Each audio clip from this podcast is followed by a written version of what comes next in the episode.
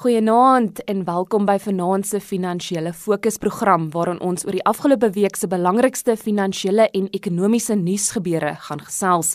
My naam is Inge Lamprag en ek staan in vir Ryk van Niekerk wat 'n blaaskans neem. In vanaand se program gesels ons oor die kragrees Eskom se probleme en die uitwerking daarvan op die ekonomie. Ons hoor hoe die jongste inflasievooruitskouings lyk en wat die gradeerder Moody's waarskynlik hierdie week oor Suid-Afrika se skuldgradering sal besluit. 'n Portefeuljebestuurder ontleed ook die belangrikste maatskappy-nuus. Eerste aan die beurt om ekonomiese sake te gesels is hoofekonoom by PwC, Lulu Kriel. Goeienaand Lulu. Goeienaand Inge. Lille verbruikers het die afgelope week knaand onder beerdkrag deurgeloop te midde van die probleme by Eskom.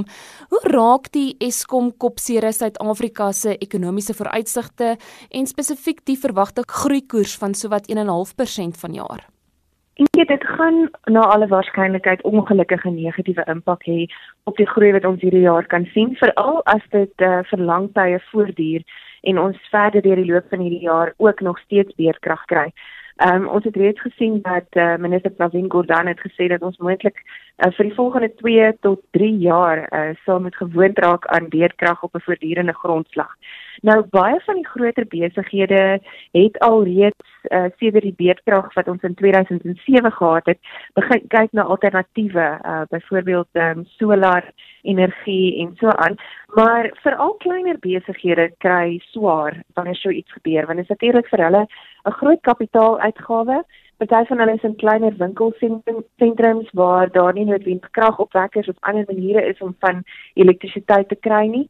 So dan beteken dit dat hierdie besighede uh verloor natuurlik uh, verkope en ook as ons net kyk na die tye wat mense op die paaie spandeer. Ek meen as ons byvoorbeeld dink die van ons wat in die stede bly en langer tye na die werk moet ry, die impak wat dit het op produktiwiteit.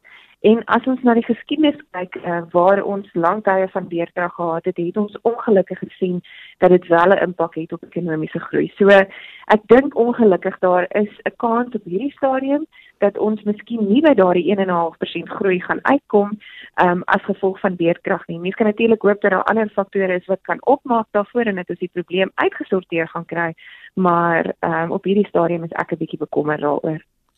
Lilo Eskom se skuld en korporatiewe beheerprobleme is wel bekend en daar is pogings om die groep in 3 afdelings te verdeel, maar vakbonde is baie erg gekant teen hierdie stap. Maar nou bo op dit alles is daar ook nou hierdie jongste vlaag kragonderbrekings. Wat beteken dit vir Moody's se skuldgraderingsbesluit hierdie week?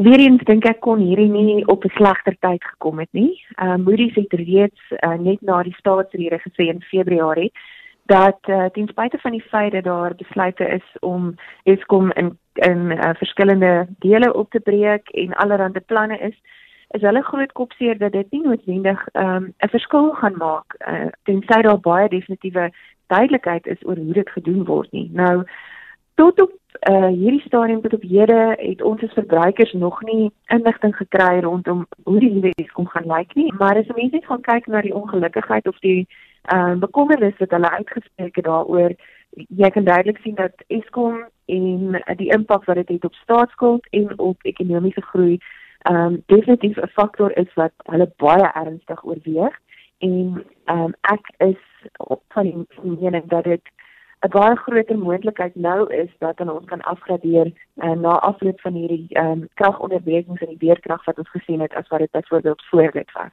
Lilo, as ons dan vir 'n oomblik gaan stil staan by van die afgelope week se ekonomiese data, verbruikersprysinflasie het in Februarie effentjies versnel tot 4,1%. Hoe lyk die inflasievooruitsigte na jou mening en waar laat dit die Reserwebank wat hierdie week oor rentekoerse moet besluit? Dis dan 'n bietjie goeie nuus, ehm um, veral vir die van ons wat verbruikers is met skuld, natuurlik vir pensionaars en nie noodwendig nie.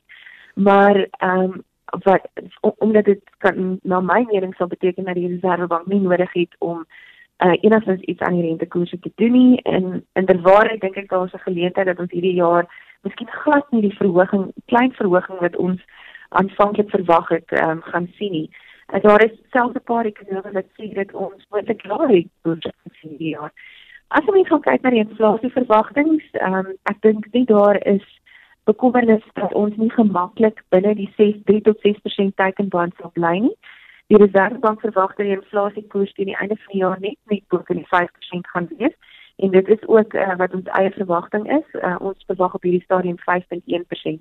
En die belangrikste rede natuurlik vir die versnelling in inflasie is is die aankondiging wat ons gesien het van Eskom se tariefverhogings wat dan nou effektief hierdie jaar uh, net oor die 13% gaan wees. So dit ongelukkig gaan 'n bietjie opwaarts druk op inflasie plaas, maar nie iets wat vir die Reservebank ehm um, 'n bekommernis sal wees nie en ek dink hulle het ruimte om 'n rentekoers onveranderd te laat vir die res van hierdie jaar en miskien selfs op 'n stadium uh, te oorweeg om rentekoerse 'n bietjie te verlaag en natuurlik uh, dalk 'n moontlike inspuiting vir die ekonomie kan wees.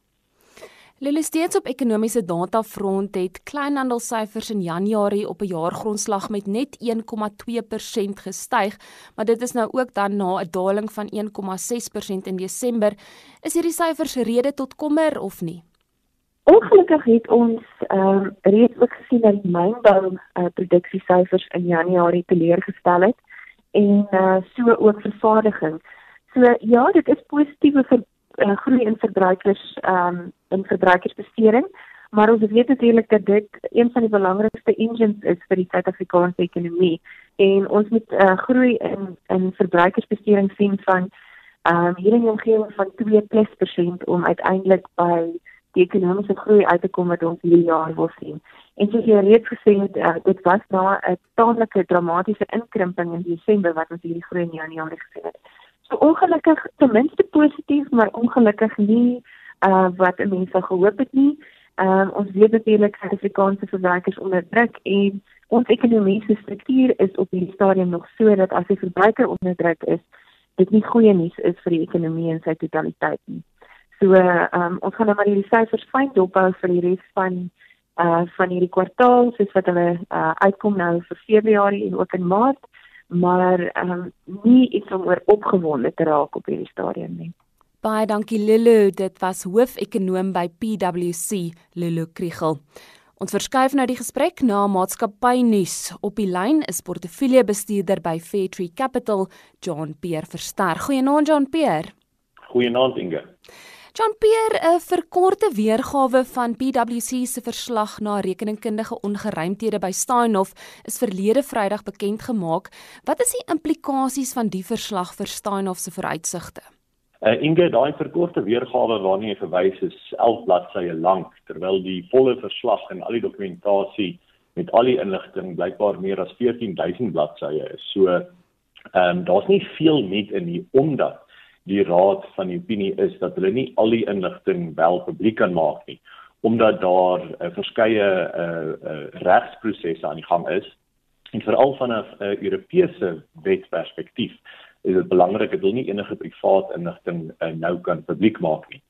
Onthou dat Steinhoff, soos ons dit vandag ken, is 'n Europese maatskappy, dis geregistreer in in Nederland. Ehm um, so dit kompliseer dinge ietwat. Nou die een ding in hierdie verslag wat interessant was is dat uh PwC en dus die Raad van Steinhoff het gepubliseer wat die impak is van hierdie uh rekenkundige ongeruimthede in 'n tabel op bladsy 5 en in daai tabel uh, noem hulle dat hulle dink dat al die uh, al die ongeruimthede in totaal uh, ongeveer 6.5 miljard euro se impak gehad het sedert 2009.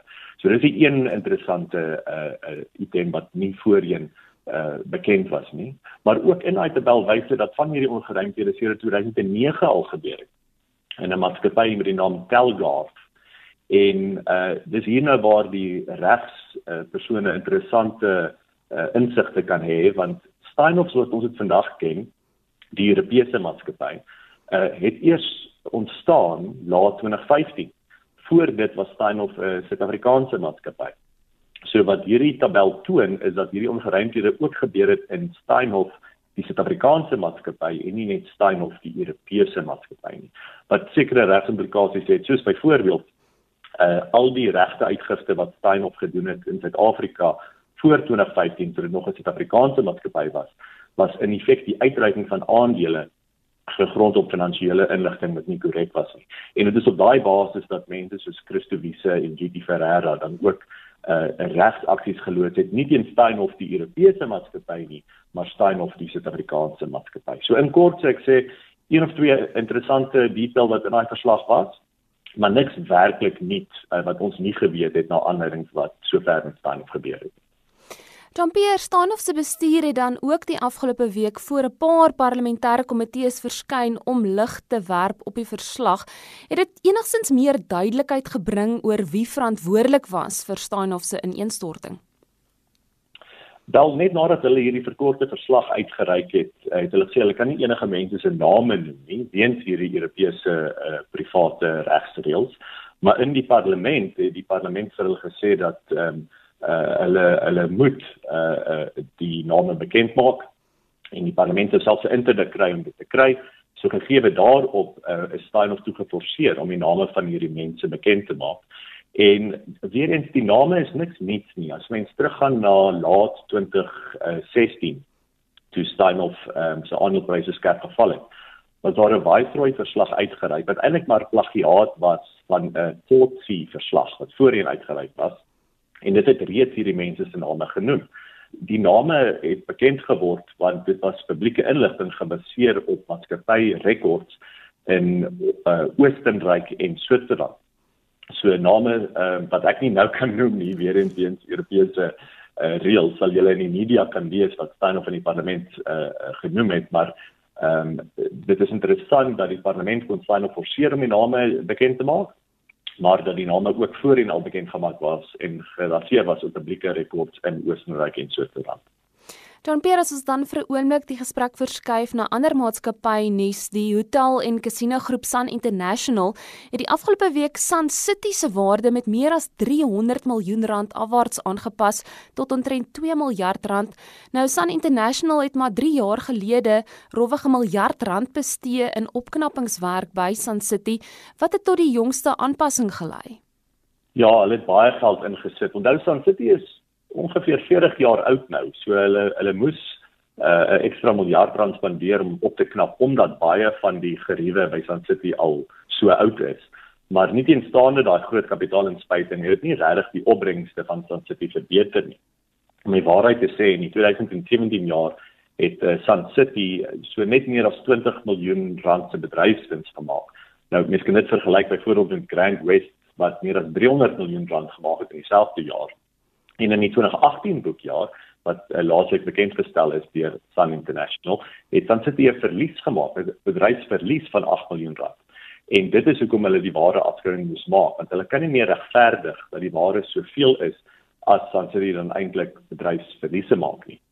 'n Groot rede vir die bedryfsverliese is omdat in daai Noordwes omgewing en in Rustenburg veral is daar nou hierdie nuwe alternatiewe dobbelgeriewe. Dis nou 'n uh, elektroniese bingo masjiene uh wat baie mense dan verkies om te gebruik en hulle wil nie al die batterye na sin sit om daar uh op die uh, casino vloer te gaan speel met die dobbelmasjiene nie maar liewer hierdie elektroniese bingo masjiene te gebruik in Rustenburg self en dit is hoekom die uh die Sun City ware so skerp gedaal het.